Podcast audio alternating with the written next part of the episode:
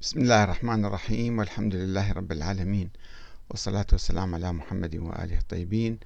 ثم السلام عليكم أيها الأخوة الكرام ورحمة الله وبركاته ومرحبا بكم في برنامج أنت تسأل وأحمد الكاتب يجيب. أحد الأخوة آه، كتب لي هذه الرسالة. يقول أشكرك أستاذ أحمد الكاتب على إتاحة هذه الفرصة ولكن أريد أن أضع إشكالات. أعلم مسبقا أنك لا تستسيغها. أعلم أنك ترفض أن تصنف بالمذهبية. ما أعرف كيف أعرف أنه ما يستسيغ هذه الإشكالات. أنا أرحب بأي إشكال وبأي سؤال أقدر أجاوب عليه أجاوب عليه.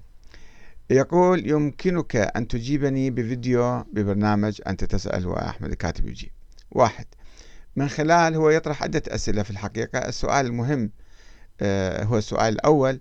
يقول من خلال ما طرحته في الفيديوهات أنك ترفض ولادة المهدي يقصد محمد بن حسن العسكري. أنا أقول ذلك يعني. ولكنك لم ترفض حصول اللغط وانقسام الآراء حول الولادة. وكيف استطعت أن ترتب الأثر آه، على هذا الأمر؟ أن عدم الولادة هو الحقيقة الوحيدة في حين أن الموضوعية هو هناك احتمال بعدم حدوث الولادة. فالمتتبع يرى أن من الإنصاف أن تتم أو أن تحترم آه، عقول من عاش قبل ألف عام. آه، أنا دائما كتبت في هذا الكتاب اللي خلفي وفي آه، محاضراتي دائما أقول أن الشيعة شيعة الإمام الهادي أو الإمام العسكري انقسموا إلى أربع عشرة فرقة. يعني كان المسألة فيها غموض. هو قال ما عندي ولد. يقولون هو أخفى هذا تقية. هكذا قال الآخرون الذين دعوا وجود ولد له ولكنهم اعترفوا وكل المؤلفين يعترفون منذ قبل 1200 سنة حتى الآن. مشايخ الطائفة وأيضا المعاصرين يقولون نعم هذه حقيقة ثابتة أنه أهل البيت أنكروا أمة أنكرت أخوه أنكر عامة الشيعة أنكروا ما شافوا بحثوا حققوا دققوا سألوا فتشوا. أصلا ما شافوا أثر لهذا الولد.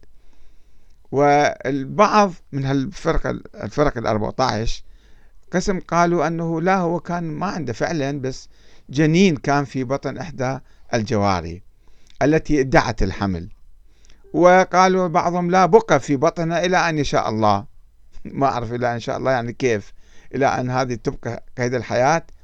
والبعض قال أنه لا فعلا كان عنده ولد موجود ومولود. طيب هناك عندنا احتمالات عديدة. طبعا الشيعة سموا هذه الفترة بعصر الحيرة يعني احتاروا.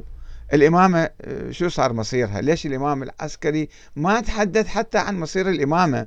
من هو الإمام وكيف آه، يعني يختار الناس الإمام أو يعرفوا هذا الإمام؟ وهو تكتم وعلى الأقل يعني إذا صدقنا بروايتهم أنه تكتم. أنا أقول هو أصلا لم يقل لم يقل عندي ولد.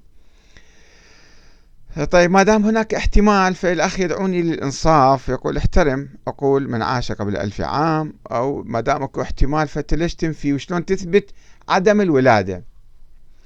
أنا أقول لهذا الأخ العزيز بأن هذه المسألة مو مسألة عادية. مسألة تتعلق ب كما هم يقولون الإمامية بعقيدة دينية مهمة جد جدا. وركن من أركان الإسلام وركن من أركان الدين وأصل من أصول الإسلام اللي هي الإمامة مثلا. لازم تكون واضحة كوضوح الشمس. ما يمكن نحن فشي بسري وغامض نؤمن به ونعتبر هذا دين وهذا أصل من أصول الإسلام. لو كانت المسألة عادية جدا مسألة عادية شخص عادي يختلف حول آه، ورثته يختلفون أنه هذا مثلا عنده أولاد حتى يتقاسمون تركته أو ما عنده يذهبون للمحكمة. المحكمة تسألهم أنه شنو دليلكم؟ أنه عنده ولد. يقولون أكو احتمال عنده ولد. فإذا هاي الأموال ما يجوز إحنا نقسمها حتى يظهر ذلك الولد. القاضي يقول لهم هذا الاحتمال مو معقول ومو وارد وهو لم يدعي وجود ولد له. هسه لو هو كان مدعي علنا قال أنا عندي ولد ممكن نتوقف نروح نبحث. أما هو لم يدعي أساسا. وأهل بيته كلهم يقولون ما نعرف عنده ولد ولا شفنا عنده ولد. وعامة الناس عامة الشيعة حتى خواص الشيعة ما كانوا يعرفون. مجرد أربعة خمسة. بعد ذلك بعد فترة دعوا. مو أول يوم أيضا. بالتشييع تشييع جنازة العسكري حتى عثمان بن سعيد العمري كما يقولون يقول المشايخ الطائفة الاثنى عشرية أن راح عز جعفر أخو الإمام العسكري وهنأه بالإمامة وبعد ذلك انقلب عليه. فالقاضي يقول له أنت شنو دليلك أنه هذا عنده ولد؟ ما عنده. ولد بالاحتمال ما يمكن نبني عقائد ما يمكن نبني دين ما يمكن نبني حتى قانون حتى مسألة عادية شخصية ما يمكن نعطي تركة إنسان إلى ناس آخرين لأنه يحتملون وجود ولد له. فمو بالاحتمالات نمشي. فلذلك أنا أقول أن الدليل الظاهري أنه الإمام العسكري قال ما عندي ولد ووصى بوصيته يعني آخر لحظات حياته وصى بأمواله إلى أمه ولم يقل ولم يشر إلى وجود ولد له حتى بالوصية. معناته ما عنده. فلا يجوز أن نتبع منهجا باطنيا على الاحتمال. الدين ما يبنى بالظن وبالاحتمال. ونجعل هذه عقيدة دينية. وبعدين نتعارك عليها مع سائر الشيعة وسائر المسلمين. وإذا أنتم أنكرتوا وجود هذا الإنسان فقد كفرتوا بالله وخرجتوا عن التشيع وخرجتوا عن الدين والإسلام. فما يصير الشكل إحنا يجب أن نأخذ الأمور بأدلة قاطعة وقوية ومعقولة. مو أدلة باطنية سرية وهمية خيالية كل واحد يجي يعني يتخيل.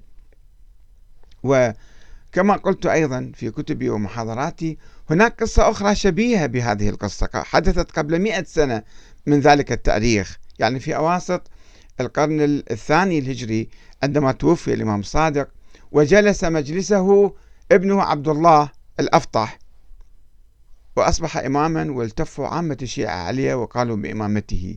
ثم توفي هذا الإنسان بعد سبعين يوم فحدثت حيرة وحدث انقسام في صفوف الشيعة أنه طيب وما كان عنده ولد. في الظاهر ما كان عنده ولد هو ما كان يقول أنا عندي ولد.